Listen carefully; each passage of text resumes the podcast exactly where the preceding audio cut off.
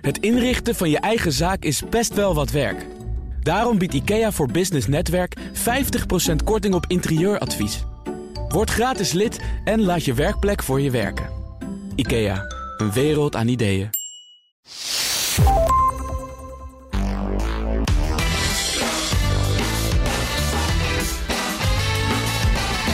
Welkom bij de Ben Tichelaar podcast, de podcast over persoonlijke en professionele ontwikkeling. Steeds meer bedrijven gaan actief aan de slag met de gezondheid van hun werknemers. Ze hebben bijvoorbeeld een vitaliteitsplan en ook sporten in de tijd van de baas is al lang niet gek meer. Maar wat moet je nou doen om je mensen echt gezond te krijgen? En wat zijn tips die we zelf kunnen gebruiken om fit en vitaal te blijven? Ik bespreek het met Anne van der Put, socioloog aan de Universiteit Utrecht. Anne, leuk dat je er bent. Welkom. Dankjewel. Hey, je bent uh, net gepromoveerd op dit gebied. Uh, gefeliciteerd nog uh, daarmee. Ja, dat was, even kijken, dat was anderhalve week geleden geloof ik. Ja, je voor, vorige week vrijdag. Ja, ja nou, ongelooflijk. Um, kun je eens kort uitleggen wat je hebt onderzocht? Ja, dat moet wel, hè, want dat zit nog vers in je geheugen. zou je denken, maar ik heb een weekje vrij gehad. Dus, Oké, nou. Nee, ik kan zeker iets over vertellen. Ik heb onderzocht naar, onderzoek gedaan naar vitaliteitsbeleid binnen bedrijven. En dan vooral gericht op gezond eten en bewegen. En dan heb ik gekeken aan de ene kant van wanneer doen werknemers daar nou aan mee als dat beleid er is? Ja, ja. En wat zijn de gevolgen ervan? En dan vooral voor de gezondheid, maar ook voor het werk. Dat is wel leuk. Er zitten echt twee kanten aan. Dus aan de ene kant zeg maar, wat is dan effectief? Maar ook krijgen de mensen mee? Nou, dat gaan we alle, allebei bespreken. Uh, wat later gaan we het hebben over krijgen we de mensen mee? Want dat vind ik echt een super interessant onderwerp. Dus we schuiven een klein beetje op dat einde. Dat is, dat is goed. Uh, eerst maar eens even te vragen. Waarom ben je hier eigenlijk onderzoek naar gaan doen?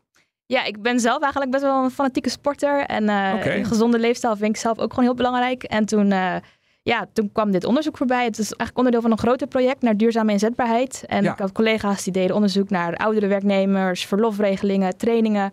Maar nog niemand deed eigenlijk het gezondheids- en vitaliteitsstukje. En toen uh, dacht ik, nou, met mijn persoonlijke interesse lijkt mij dat wel wat om... Ja. Uh, en bleek dat ook zo te zijn? Kon je je eigen interesse een beetje kwijt in dit onderzoek? Ja, zeker weten wel. Ja. Ik heb ook zelf wel veel gebruik gemaakt van het vitaliteitsbeleid dat wij hadden. Dus Oké, okay. uh, oh, dat is wel mooi. Wat voor sport doe je? Ik ga even tussendoor wel even weten. Uh, ik heb altijd hard gelopen. Ja. Um, een beetje geblesseerd geweest, dus nu ook zwemmen, fietsen en bootcamp. Oké, okay, zwemmen, fietsen, bootcamp. Dat is een hele hoop tegelijk. Goed.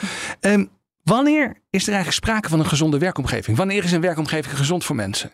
Kun je daar iets over zeggen in zijn algemeenheid? Ja, dat ligt dan denk ik een klein beetje aan wat je ziet als een gezonde werkomgeving. Kijk, voor mij in mijn onderzoek was dat als er dus maatregelen zijn of regelingen die helpen dat, dat werknemers een gezonde leefstijl kunnen, kunnen okay. hebben. Dus is er gezond eten in de kantine of liggen de broodkroketten vooraan? Um, zijn er mogelijkheden om te sporten op het werk of bijvoorbeeld de vergoeding van een sportabonnement? Ja. Um, kijk, als je het natuurlijk breder hebt, kun je ook dingen, uh, denken aan dingen als weinig werkdruk, uh, zeggenschap in je werk, uh, goede werksfeer. Wordt natuurlijk ook wel vaak, vaak ja. genoemd. Dan gaat het vaak om, om stressgerelateerde of burn-out gerelateerde factoren, hè, wordt het ook wel vaak genoemd. Ja, klopt. En ik vond het juist heel interessant om meer op dat fysieke stuk van de fysieke gezondheid uh, ja, precies. gaan zitten. Ja. ja. En er zit natuurlijk ook wel een linkje, want heel toevallig ben ik net met het onderwerp ook bezig geweest. En uh, het grappige is dat als je dus meer beweegt, word je ook mentaal gezonder, hè, geloof ik. Ja, dat klopt. Ja. ja, Ik denk dat dat voor veel mensen misschien ook, die, die zelf al veel bewegen, hopelijk niet als een uh, verrassing komt. Ja, nou ja, ik zag zelfs in het onderzoek wat ik al had bekeken, dat was een ene meneer Shakroot aan de Yale Universiteit, dat het zelfs de grootste bijdrage levert aan onze geestelijke gezondheid. Hè. Dus van alle dingen die je kunt doen, is bewegen het allerbeste.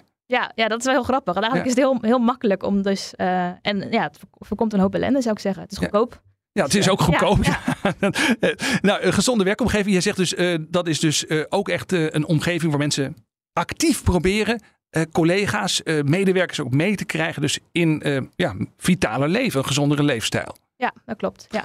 Wat zijn nou volgens jou de belangrijkste voordelen ervan? Als je dat nou op een rijtje zet in de research, wat, wat levert dat nou uiteindelijk op als je daar echt in investeert? Nou, je ziet in eerste, in eerste instantie dat het gewoon helpt om je werknemers gezonder te, te krijgen. Dus dat, ja. dat is natuurlijk nou, voor die werknemers heel fijn. Voor jou als werkgever misschien niet de hoofdreden waarom je het doet. Mm-hmm. Maar je ziet wel ook dat gezonde werknemers, die zijn ook productiever, um, minder vaak afwezig. Um, misschien dat ze meer, meer, betrokken zijn bij het werk. En dat is wel leuk om te vertellen. Wij hebben dus ook gekeken naar, zijn dat soort regelingen, dus gezond eten, bewegen, wat doet dat nou met de prestaties van de werknemers? Nou, dan zien we dat werknemers die daar gebruik van maken, dat die inderdaad beter presteren. Ja. Doen niet alleen beter hun, hun, hun werk, maar ook vaker een stapje extra. Dus ook voor de innovatie van je organisatie is het eigenlijk heel goed.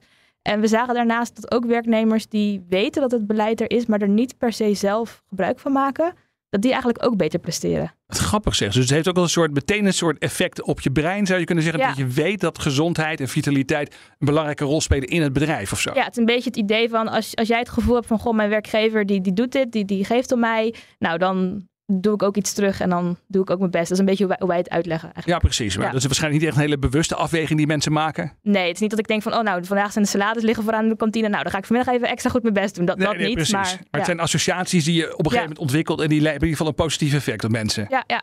Interessant. Hey, ehm, regelmatig sporten, dat is dan een van de belangrijke onderdelen in zo'n gezonde leefstijl. En ook uh, zeg maar wat je zou moeten proberen te bevorderen als, uh, als werkgever. Nou ja, heel veel mensen weten ook wel dat dit belangrijk is. Maar sporten onder werktijd, dat vinden heel veel mensen al een beetje een raar idee. Um, hoe kun je daar iets over vertellen? Heb, heb je daar onderzoek naar gedaan? Uh, heb je daar dingen over gelezen? Hoe, hoe, uh, hoe kijk jij daarnaar? Ja, ik kan, ik kan me dat best wel voorstellen. Zeker als je het echt hebt over, over sporten. Dat is, nou, als het echt intensief is en denk nou, dan zit ik daar te zweten met mijn collega's. Dan moet ik daarna douchen. Dan heb ik, heb ik misschien niet zo'n... Het kost allemaal tijd ook, Het kost allemaal tijd. En zeker mensen die, die ja, dat, dat, dat, dat denken dan bedrijven vaak van, oh ja, ja, als ik al die werknemers laat sporten, ja, dan gaan ze alleen maar sporten en dan doen ze helemaal niet meer hun werk. Maar wat wij zien in ons onderzoek en eigenlijk ook uit de literatuur weten, is dat dat eigenlijk wel meevalt. Dat werknemers zijn juist best wel gecommitteerd en die willen ook echt wel werken. Dus het is niet zo dat ze dan de hele dag maar lekker in de fitness gaan zitten. Kijk, er zijn natuurlijk altijd één of twee die... Maar ja, die heb je sowieso. Dus dat... Die heb je eh, sowieso, ja. Ja, ja, dat, dat, is gewoon zo. Ik bedoel dat... Ja. Maar het grappige is, je zegt eigenlijk zeg maar met Rutger Brechtman, de meeste werknemers deugen. Eigenlijk wel, ja. Ja. Ja. ja. ja dat zien we ook heel erg. We hebben bijvoorbeeld ook gekeken naar Hè, als, als mensen nou thuis werken, kun je dan als werkgever kun je dan ook uh, je mensen stimuleren om, om te bewegen bijvoorbeeld? Ja. Of, of denken ze dan, nou ja, weet je, ik zit lekker thuis, die werkgever, waar bemoeit hij zich mee? Ik bedoel, dat is eigenlijk iets voor het privé, uh, ja, wat ik zelf al bepaal. En, en ook dan willen mensen willen het ook best doen, maar niet te lang. Want ze willen nog wel laten zien dat ze dus wel hun werk doen en dat ze wel ja, wel loyaal zijn en wel ook echt bezig zijn. Dus, dat ja, die... dus medewerkers die voelen zelf dus al een soort zekere rem om te veel zeg maar, gebruik van dit soort regelingen te maken. Dus eigenlijk hoef je helemaal niet bang te zijn als werkgever dat als je dat faciliteert, dat mensen daar dan overdreven gebruik van gaan maken. Ja, dus op een paar mensen misschien na. Ja, ja, en je hoort ook vaak dat mensen dan zeggen van ja, dan ga ik, ga ik even sporten en mijn collega's zijn nog aan het werken. En dan voel ik me ook een beetje schuldig dat ik hun dan wel aan het werk laat zitten, dat ik zelf even Even, dat is lastig, maar dat hoor je wel vaker. Hoor. Ook als mensen op cursus gaan bijvoorbeeld, dat ze zoiets hebben. Ja, maar kan ik wel op cursus, want de rest heeft het zo druk met al die projecten. Nog even terug, hè. sporten onder werktijd. Want bedoel, ik kan me voorstellen dat heel veel werkgevers die hier naar luisteren of managers denken, nou ja, meer sporten, dat zou goed zijn als mijn medewerkers dat deden. En laat ik ze dan ermee helpen dat ze dat meer in hun vrije tijd gaan doen. Maar het gaat dus ook echt, als ik je goed begrijp, ook om zeg maar bewegen onder werktijd. Ja, want ik denk juist dat ook het onder werktijd dus... En het hoeft helemaal niet gelijk, want je zegt sporten... maar ik, ik denk het hoeft helemaal niet gelijk een uur intensief op zo'n trainer te gaan zitten. Een, een half uurtje wandelen in de lunchpauze. Dat is denk ik ook voldoende. Het gaat er natuurlijk om... Kijk, we weten allemaal hoe slecht zitten is eigenlijk. Ja. En het is denk ik meer die afwisseling. Dus zorg dat inderdaad dat mensen kunnen, kunnen bewegen. Bijvoorbeeld ja, wij hebben bijvoorbeeld in, onze organisatie, we hebben twee koffieautomaten. Eentje die staat naast ons kantoor en eentje staat aan het eind van de gang. ik ga bewust naar diegene aan het eind van de gang, zodat ik even even een loopje heb. En het is, kijk, natuurlijk, het is voor de beweging, maar het is ook even een pauzemomentje. Ja. Dus dat, dat is ook heel goed. Je bouwt dus marge in de dag, er zit beweging in, er zitten sociale aspecten aan. En het gaat dus niet zozeer omdat je hier in een zweet moet werken, maar het gaat vooral ook om te doorbreken dat mensen alleen maar zitten. Dus alleen maar dat, dat, dat vastgeroest, vastgelijmd aan die stoel zitten acht uur op een dag en naar het scherm kijken. Dat moet je proberen te doorbreken. Ja, ik denk dat dat. En dan, en, kijk, natuurlijk, sporten kan daarin helpen. Maar ja, ook niet iedereen heeft daar affiniteit mee of behoefte aan. Of misschien lichamelijke um, ja, aspecten die het misschien lastig maken om te bewegen. Als je in een rolstoel zit, ja, dan heeft het niet zoveel zin om te gaan hardlopen. Want ja. ja dat wordt gewoon heel lastig. Maar je kunt misschien wel mee met je collega's als jullie samen een rondje gaan wandelen in de lunchpauze. Ja, nou, nou, nou luister ik hier naar en het zijn dingen waar ik denk de meeste mensen zo wel een beetje het gevoel van hebben. Nou oké, dat, is, uh, dat is eigenlijk ook wel goed en ik snap ook wel dat bewegen goed is. En oh interessant, is ook goed voor je geestelijke gezondheid, ook goed om te weten. Maar is er nou in jouw onderzoek of de dingen die je tegenkwam in, die, in dat promotietraject, waren er dingen waarvan je zegt, nou dat vond ik nou echt overtuigende argumenten of hele overtuigende voorbeelden waarvan je denkt, nou, dan gaan managers, die slaan daar ook wel op aan. Ja, wat ik vooral heel interessant vond om te zien is dat is eigenlijk die, die werkomgeving en dan ook nou ja, de, de sociale contacten op het werk, dat die zo heel belangrijk zijn. Dus je ziet bijvoorbeeld in organisaties waar een cultuur heerst van, ja, alleen werk is belangrijk, het gaat boven alles, we moeten echt de deadlines halen en de, de stopprioriteit. Ja, dan, dan kun je het best aanbieden, maar dan doen mensen het gewoon niet. Want die denken van, ja, ik, leuk dat je het doet, maar ik moet ook mijn uren schrijven en ik moet ook mijn deadlines halen. Dus... Ja, dat zijn dus eigenlijk meerdere dingen dan tegelijk om voorrang stellen. Dan wordt het heel moeilijk in ieder geval om het in te voeren. Hè? Maar nog even terug, want ik, eigenlijk was mijn vraag, want zijn, zijn er ook um, ja, voorbeelden en argumenten. als ik nou bijvoorbeeld, nou werk ik ergens, ik luister hier naar, denk ja, he, eindelijk iemand die dat onderzoek, uh, die er onderzoek naar heeft gedaan. En ik wil ook graag mijn eigen leidinggevende hiervan overtuigen dat het belangrijk is om hierin te investeren. Wat zijn dan de doorslaggevende argumenten volgens jou? Ik denk dat ja, als, ik, als ik zou kijken naar organisatie, wat is voor jou doorslaggevend? Nou, je wil dat je, dat je werknemers hun werk goed doen, dat ze goed presteren. Ja. En, en wat ik net zei, dat zien we gewoon dat dat gebeurt. Dus ja. Dat, dat, ja, mensen... Dus de prestaties, dat is eigenlijk, je denkt dat is het doorslaggevende argument voor veel leidinggevenden. Ik denk voor werkgevers dat dat wel een, uh, ja, een, doorslaggevend argument kan zijn. En het, en het voelt een beetje raar, want eigenlijk lever je voor je gevoel wat uren in uh, door de week om mensen meer te laten bewegen. Maar dat betaalt zich dus terug in een, uh, ja, eigenlijk in een hogere productiviteit. En ook uiteindelijk ook wat je zegt, een stapje extra, meer creativiteit, goede sociale interactie. Allemaal zaken die bijdragen aan betere, betere resultaten. Ja, ik denk dat het een beetje een mythe is om te denken dat we elke dag, acht uur per dag, achter elkaar productief kunnen zijn. Ik denk dat juist door die kleine, kleine momentjes, inderdaad lopen even naar de koffieautomaat of even naar buiten of lunchen met je collega's, dat dat soort dingen, die onderbrekingen, dat dat ook gewoon goed is. En dan goed, dan, dan ben je misschien niet acht uur productief, maar misschien zeven uur. Nou ja, ga je in dat laatste uur nou echt nog zoveel goede nieuwe dingen bedenken als je eigenlijk al de hele dag gefocust hebt gewerkt? Of helpt het juist als je zegt van nou, ik heb nu even pauze gehad, ik kan er weer lekker fris tegenaan. Ik heb misschien met een collega gekletst die ik, nou ja, die me misschien nieuwe ideeën heeft gegeven of een ander perspectief. Dat je dan juist weer uh, ik denk dat iedereen dat toch wel inderdaad herkent. Je werkt ergens aan, je moet een oplossing ergens hebben. Dan ga je een stukje hardlopen, je gaat even wandelen of je praat met iemand. En dan schiet hier de beste ideeën te, binnen. Ja. Of onder de douche na het sporten. Dat, uh, ja, ja, precies. Ja, ja, nou, dat heb ik dan weer niet zeg maar van die grote sportdouches waar je met nee, hele mensen te, tegelijk achter staat. Daar krijg ik altijd slechte ideeën van. Maar, nee, maar gewoon als, in mijn eentje onder de douche heb ik dat wel. ja. Even kort samenvatten. Je zegt dus eigenlijk als, als manager, als je de rekensom maakt, is het gewoon een verstandige investering om mensen te helpen om een gezondere leefstijl te ontwikkelen. Het helpt dus ook als je mensen helpt om onder werktijd uh, als op de zaak zijn, zal ik maar zeggen, om dan ook wat uh, meer te bewegen. Niet alleen maar uh, de hele dag op hun kont achter de computer te zitten. Maar er zijn dus ook veel mensen die thuiswerken. En hoe ga je nou die thuiswerken ook hierin stimuleren? Wat, heb je daar ook onderzoek naar gedaan? Ja, we hebben dus inderdaad gekeken. Um, want we dachten op een gegeven moment, ja, we, zaten zelf ook thuis. We dachten, nou, hoe, hoe zou dat dan nu zijn? Um, dus we hebben toen aan werknemers gevraagd van, goh, stel jouw werkgever biedt jou de mogelijkheid om een half uurtje te wandelen of om een online sportles te doen. Um, zou je daar dan aan meedoen? En dit zijn, hebben we een aantal uh, ja, beschrijvingen zeggen van nou, stel dit is aan de hand of dit kan onder werktijd, dat kan niet onder werktijd. Zou je het dan wel of niet doen?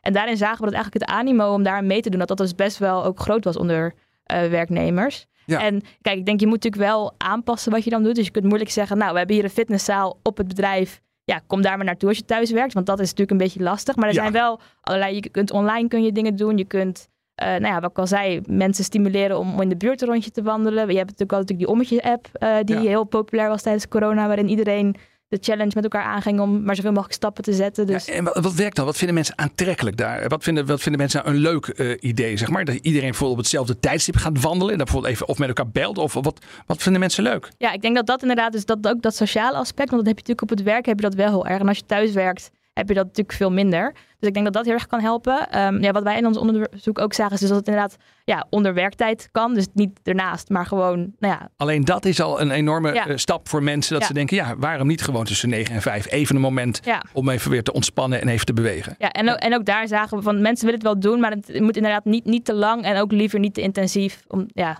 Oké, dus korte breaks, niet intensief, maar wel even weg achter die computer. Naast sporten zijn ook voeding, de inrichting van het kantoor en uh, mentale ondersteuning belangrijk voor een gezonde leefstijl. Daar gaan we het zo meteen nog even met elkaar over hebben. Maar eerst een commerciële boodschap. Wie op zoek is naar financiering van een pand, kan meerdere paden bewandelen. In de podcastserie Het Geld en de Stenen vertellen ondernemers en vastgoedbeleggers waarom ze juist via mogelijk vastgoedfinanciers hun droompand hebben gefinancierd. Luister de podcastserie via bnr.nl of je favoriete Het aanbieden van vers fruit. Collega's die elkaar stimuleren om meer te bewegen. Mentale ondersteuning op het werk. Er zijn allerlei dingen die je als manager kunt doen om je mensen gezonder en fitter te maken. Ik praat er verder over met Anne van der Put. Zij is socioloog aan de Universiteit Utrecht en pas gepromoveerd op dit onderwerp. Ik, uh, ik noemde net al als voorbeeld vers fruit aanbieden bijvoorbeeld. Uh, ja, gezonde lunches. Uh, is voeding, want daar heb je ook naar gekeken, ehm, is voeding echt iets waar je invloed op kunt uitoefenen als werkgever? En op wat voor manier moet je dat dan doen? Ja, nou, we hebben dus inderdaad gekeken naar vooral voeding en, en bewegen. En we zagen eigenlijk dat ook de grootste effecten voor, voor gezond eten waren. Okay. Toen dachten we, eigenlijk is dat ook niet zo heel gek, want je eet natuurlijk eigenlijk elke dag wel op je werk. Um, dat doe je al. Ja. ja, dat doe je al. Dus als je dan, hè, en we kennen natuurlijk allemaal het voorbeeld dat naast de koffieautomaat een, een schaal met koekjes staat. Of nou, met paas, alle paaseitjes die. Ja. Uh, het lijkt dan leuk. Ja. ja, dat lijkt wel leuk, maar mensen pakken daar toch onbewust, pakken ze daar uh, toch wat van mee. Ja, en meer dan ze vaak willen. Ja, ja. dus dan denken ze aan het einde, zo, goh, heb ik zoveel uh, koekjes te eten vandaag. Terwijl je kunt natuurlijk ook gezonde snacks neerzetten. Dus wat fruit of wat nootjes. Of, en, ja. ja. En, en, dat, en dan pakken mensen dat gewoon. En dan wordt er ook niet zoveel. Wordt er dan over gezeurd? Dat mensen zeggen, hey, we, zijn de, we zijn de paaseitjes gebleven. Of valt dat juist wel mee? Ja, dat, dat weet ik niet zeker. Maar ik, ik denk dat dat wel, wel meevalt. Dat dat, ja. uh... In jullie onderzoek uh, zag je dus uiteindelijk dat uh, eigenlijk ingrijpen in, voeding, in voedingspatronen, om maar even te zeggen, is eigenlijk makkelijker dan ingrijpen in bewegingspatronen. Ja, in ieder geval in, in de werkcontext. En ja, wat wij, wij, wij zeiden van, nou ja, dat doe je dus ook vaker op het werk. En sowieso is eetgedrag is natuurlijk ook veel meer zichtbaar. Dus als jij met je collega's gaat lunchen, dan zie je gewoon wat zij eten. Dus ik weet, ik heb een aantal collega's die eten elke dag groente en fruit tijdens de lunch. Ja. Uh, kijk, als ik collega's heb die elke dag een broodje pakket haalt, dan op een gegeven moment denk je van, nou ja, kijk je... De, no de norm, de sociale norm, ja. zeg maar, die, die ja. zie je gewoon... Uh, naar voren komen. En of mensen bijvoorbeeld in hun vrije tijd thuis sporten of zoiets, dat zie je dan bijvoorbeeld ja, niet. Of, ze, of ze fietsen naar hun werk of met de auto komen. Ja, dat, dat, dat weet je misschien ja. dat je het erover hebt, maar dat is veel minder zichtbaar. En op een gegeven moment zijn ze even weg en dan zijn ze misschien wandelen, of, maar je weet niet wat ze doen. Dus ja, ja dat oké. Okay, ja, misschien is naar een vergadering, je weet niet wat. Uh, ja. Ja. ik ken ook wel ander onderzoek dat wanneer je in je eigen gedrag iets wil veranderen, dat eigenlijk iets veranderen in je voeding makkelijker is. Want je zegt al, daar besteed je al tijd aan. Het is eigenlijk al een onderdeel van je dag. Dus als je meer moet gaan bewegen, moet, moet je er vaak iets anders voor opofferen. Ja. dus dat is bijvoorbeeld werktijd of andere tijd die je normaliter aan andere dingen besteedt. Ja, dat klopt. Kijk, ja, eten moet je toch. Dus of je nou iets gezonds eet of iets ongezonds, dat, dat maakt in principe niet zo heel veel uit. En zeker als je in de bedrijfskantine, kijk of jij nou een pizzapunt haalt als lunch of een salade, ja, ja. kost evenveel tijd. Dus dat... Wat moet je dan doen? Moet je nou eigenlijk op een gegeven moment, als je nou naar verschillende mogelijke interventies kijkt, je kunt natuurlijk mensen proberen te verleiden om gezondere dingen te gaan eten. Je kunt natuurlijk ook de ongezonde meuk gewoon eruit halen. Uh, wat, wat, wat zou jij mensen adviseren hierin? Ja, ik, ik vind zelf dat ik denk van kijk, je moet en dat is misschien ook wel een beetje, een beetje heel Nederlands. Van je moet ook niet te betuttelend worden. Dus je moet mensen nog steeds wel de keus laten. Maar ik denk, je kunt het natuurlijk wel zo doen dat je zegt van nou, bijvoorbeeld alleen op vrijdag. Hè, als het bijna weekend is, dan hebben we wel die ongezonde opties. En de rest van de week ja. uh, hebben we dat niet. En... Maar dan associeer je het meteen met een soort beloning. Zo van, nou heb je de hele werk, week gewerkt. Nou mag je chocola. En dan krijg je alleen maar weer slechte breinverbindingen van, denk ik dan. Ja, dat misschien wel. Maar ik denk als je echt zeg maar, nou, misschien een enkeling daar dat het gewoon niemand lukt om constant. Ik bedoel, ik hou zelf ook een stukje van een stukje taart. Maar het betekent niet dat ik elke dag taart op mijn werk eet. Maar als er een keer iemand jarig is, dan denk ik van nou, lekker. Ja. Zeg, um, er zijn altijd mensen natuurlijk die toch de ongezonde keuze blijven maken. Frisdrank, chocoladerepen en allemaal dat soort dingen. Broodjes kroket, wel een paar keer over gehad. Hoe kan je dat nou beperken? Als je nou bijvoorbeeld weet van. Ja, het klinkt misschien paternalistisch, maar van sommige mensen in de werkomgeving zie je natuurlijk wel van ja, voor hen zou het echt wel beter zijn als ze wat gezonder zouden eten. En, en hoe kan je daar nou, mag je daarop uh, ingrijpen? Um, hoe, hoe, hoe, kijken mensen tegenaan? Of vinden ze dat inderdaad heel bemoeizuchtig en betuttelend? Het, het, verschilt een beetje. Ik denk dat er zullen mensen zijn die het heel bemoeizuchtig vinden. Maar ik denk wel, en, en nou ja, dat, dat, hè, dat, dat herkennen mensen misschien ook wel, dat juist die, die mensen die dan misschien over het algemeen wat ongezond eten, ja, dat, het, het, doet natuurlijk ook gewoon een hoop met je energieniveau, met je, met je humeur. En dat is natuurlijk ja. op het werk ook wel. Dus je kunt, kijk, je hoeft misschien niet te zeggen van, goh, nou, uh, neem eens een keer wat gezonds mee naar het werk. Maar je kunt wel vragen van, goh, hoe gaat het nou met je? Dus dat je meer op een soort van op, op die manier het gesprek probeert aan te gaan. Ja. En dat zien we ook heel erg, dat ook collega's daarin, um, die kun je natuurlijk bijvoorbeeld een voor, voorbeeldfunctie hebben. Dus als jij iemand hebt die, um, die dit wel altijd doet, dan kun je die eens zeggen van, nou, goh, um, ja, deel je succesverhalen. Waarom ja. lukt het jou wel om iets gezonds mee te nemen? Ja, dat lijkt me nog wel lastige interventies. Want ik denk eerlijk gezegd, als de meeste managers dit horen en, en, en denken, ja, potverdorie, dan moet gewoon zorgen dat al het werk wordt gedaan. Dan moet ik ook nog zorgen dat mensen lekker in hun vel zitten. En dan moet ik me ook nog uh, op een subtiele maar wel effectieve manier gaan bemoeien met de lifestyle, met het, het eetgedrag ook van medewerkers. Ik denk de meeste mensen zeggen nou, uh, huur daar maar iemand voor in. Um, jullie hebben ook gekeken naar, ja, ja, meer eigenlijk een soort mentale begeleiding, geloof ik, hè, van, van, van medewerkers. En dat is uh, interventies op dat gebied. Um, kun je dat eigenlijk wel aan managers overlaten, dit soort complexe uh, gedragsinterventie, zeg ik er maar even. Nou, je ziet inderdaad wel dat managers, die hebben natuurlijk al zoveel op een bordje liggen, ja. dat inderdaad als dit erbij komt, dat het misschien niet hetgene is wat ze het eerst uh, aan zullen pakken.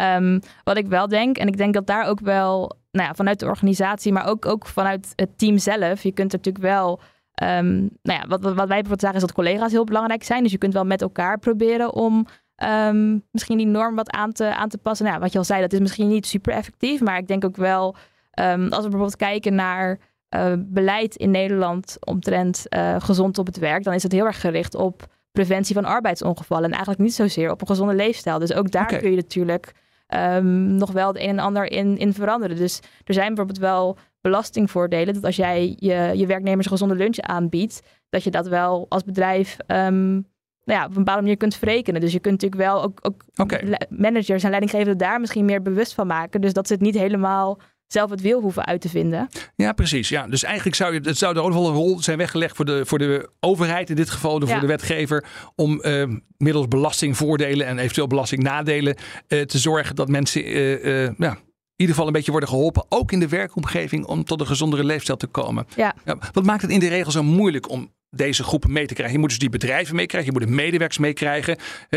Jij hebt je een aantal jaren verdiept in het proberen te bewerkstelligen van een meer gezonde levensstijl bij grote groepen mensen. Wat is nou de belemmering? Waarom, waarom is het zo moeilijk voor veel mensen?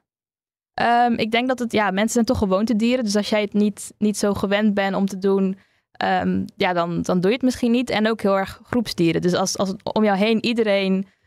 Um, ik, neem maar als voorbeeld, zeg maar, als ik thuis werk, dan ga ik altijd een lunch ga ik een rondje wandelen. Want ik vind dat zelf heel fijn. Maar als ik op mijn werk werk, dan ga ik met mijn collega's ga ik lunchen. Maar dan ja. gaan we niet wandelen. Nee. Want ik denk dan van ja, ik vind het eigenlijk gezelliger om met jullie te gaan lunchen dan dat ik in mijn eentje ga wandelen en dan een half uur later dat we weer aan, aan het werk gaan. En als die mensen niet opstaan, dan ga je ook niet. Uh, ja, nee, zo werkt het dan nee, gewoon. Precies, ja, zo werkt het dan blijkbaar niet. Terwijl ik het in mijn eentje wel altijd doe. Dus ik, ik kan natuurlijk eigenlijk ook zeggen van goh jongens, zullen we eens een rondje gaan wandelen buiten. Maar dat, ja, ja, je zou zelfs kunnen zeggen, jongens, uh, luister eens even. Ik heb hier onderzoek naar ja. gedaan. Sterker nog, ik ben hierop gepromoveerd. We moeten gaan wandelen. Ja, maar om een of andere reden gebeurt het toch niet. Maar zelfs bij de universiteit is dat geen nee. overtuigend argument, begrijp nee, nee, helaas niet. Nee. Dus, dus, we zijn gewoontedieren, we zijn groepsdieren. En om daar echt een interventie in te plegen dat het wel gaat gebeuren, uh, dat is dus moeilijk. Wat zijn nou voorbeelden die je hebt gezien in je onderzoek waarvan je zegt, dat, dat vond ik nou een aansprekend voorbeeld. Dat werkte dus blijkbaar. Dat, dat zou je gewoon kunnen doen. Nou, ik zag dus inderdaad dat bijvoorbeeld ambassadeurs, dat dat heel, heel belangrijk kan zijn. Dus dat zijn inderdaad, nou, zoals je zei, dat, dat zou ik dus kunnen zijn. Dat ik kan zeggen, hé, hey, ik ben hierop gepromoveerd. We gaan nu met z'n allen wandelen, want dat is heel goed voor ons. Ja, een soort gezondheidsambassadeurs ja. in je bedrijf. Ja, in je bedrijf. En ik denk dat het dan heel belangrijk is dat je natuurlijk aan de ene kant mensen kiest die daar affiniteit mee hebben. En die daar ook zelf goed mee bezig zijn. Maar ja. je moet ook weer zorgen, en dat, dat zeggen we ook heel erg, dat je dus niet te fanatieke mensen nee, neemt. als het alleen maar de afgetrainde Ja. sportbillies zijn die zeggen: Kom op jongens, we gaan rennen. En dan denkt de rest ook van: Nou, ga jij maar lekker. Ja, precies. Van nou, dan moet ik zeker ook eh, elke dag een uur gaan rennen. Ja, daar heb ik geen zin in. Dus dat, eh, da- daar moet je wel, denk ik, goed op letten. Of bijvoorbeeld mensen die misschien eh, kleine stapjes, maar wel van ver zijn gekomen. Die dus laten zien van, hé, hey, vroeger deed ik het niet en nu wel. Dus het kan wel. Ja. Dat je juist een beetje die, ja, die voorbeelden, die inspiratie, dat je mensen ook aanzet. Gewone mensen die op ons lijken, Ja. maar die wel al een klein beetje dat gewenste gedrag laten zien. ja. Ja, dat is wel grappig. Dat is natuurlijk ook een bekend gegeven in de sociologie. Dat dat soort mensen, eh, die geven het goede voorbeeld. Ja, precies. Ja. En ook, ook daarbij denk ik dat het ook goed is om aan te sluiten bij de doelgroep. Dus je kunt best, nou, je gaf net het voorbeeld van een hele fit iemand. Dus als je echt zo'n fit girl voor een groep oude mannen zet, nou, ja, dat, dat, dat werkt daar misschien wel, maar denk om Die vinden dat reden. misschien wel leuk, maar die Ja. gaan niet per se meedoen. Nee, precies. Die denken, oh nou leuk, ga jij maar lekker eh, allerlei oefeningen doen. Wij, maar wij kijken wel, ja. ja, precies. Dus Ja. ik denk dat ook daar dat je daar goed over na moet denken van wie gebruik je dan als voorbeeld en wie gebruik je dan als rolmodel. Ja, dus dat kan echt helpen. Ja. Hartstikke mooi. Ehm, ik wil je hartelijk danken, Anne van de Put, socioloog Universiteit Utrecht. Heel erg leuk dat je mijn gast wilde zijn. Dit was de Ben Tichelaar podcast voor deze week. Maar Anne en ik praten nog even door, omdat ze ook nog een werktip en een mediatip voor ons heeft. Beide vind je in onze podcastfeed op bnr.nl slash Tichelaar en in je favoriete podcast app. Voor nu, dank voor het luisteren.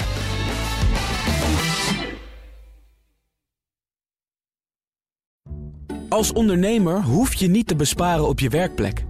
Want IKEA voor Business Netwerk biedt korting op verschillende IKEA-producten. Word gratis lid en laat je werkplek voor je werken. IKEA, een wereld aan ideeën.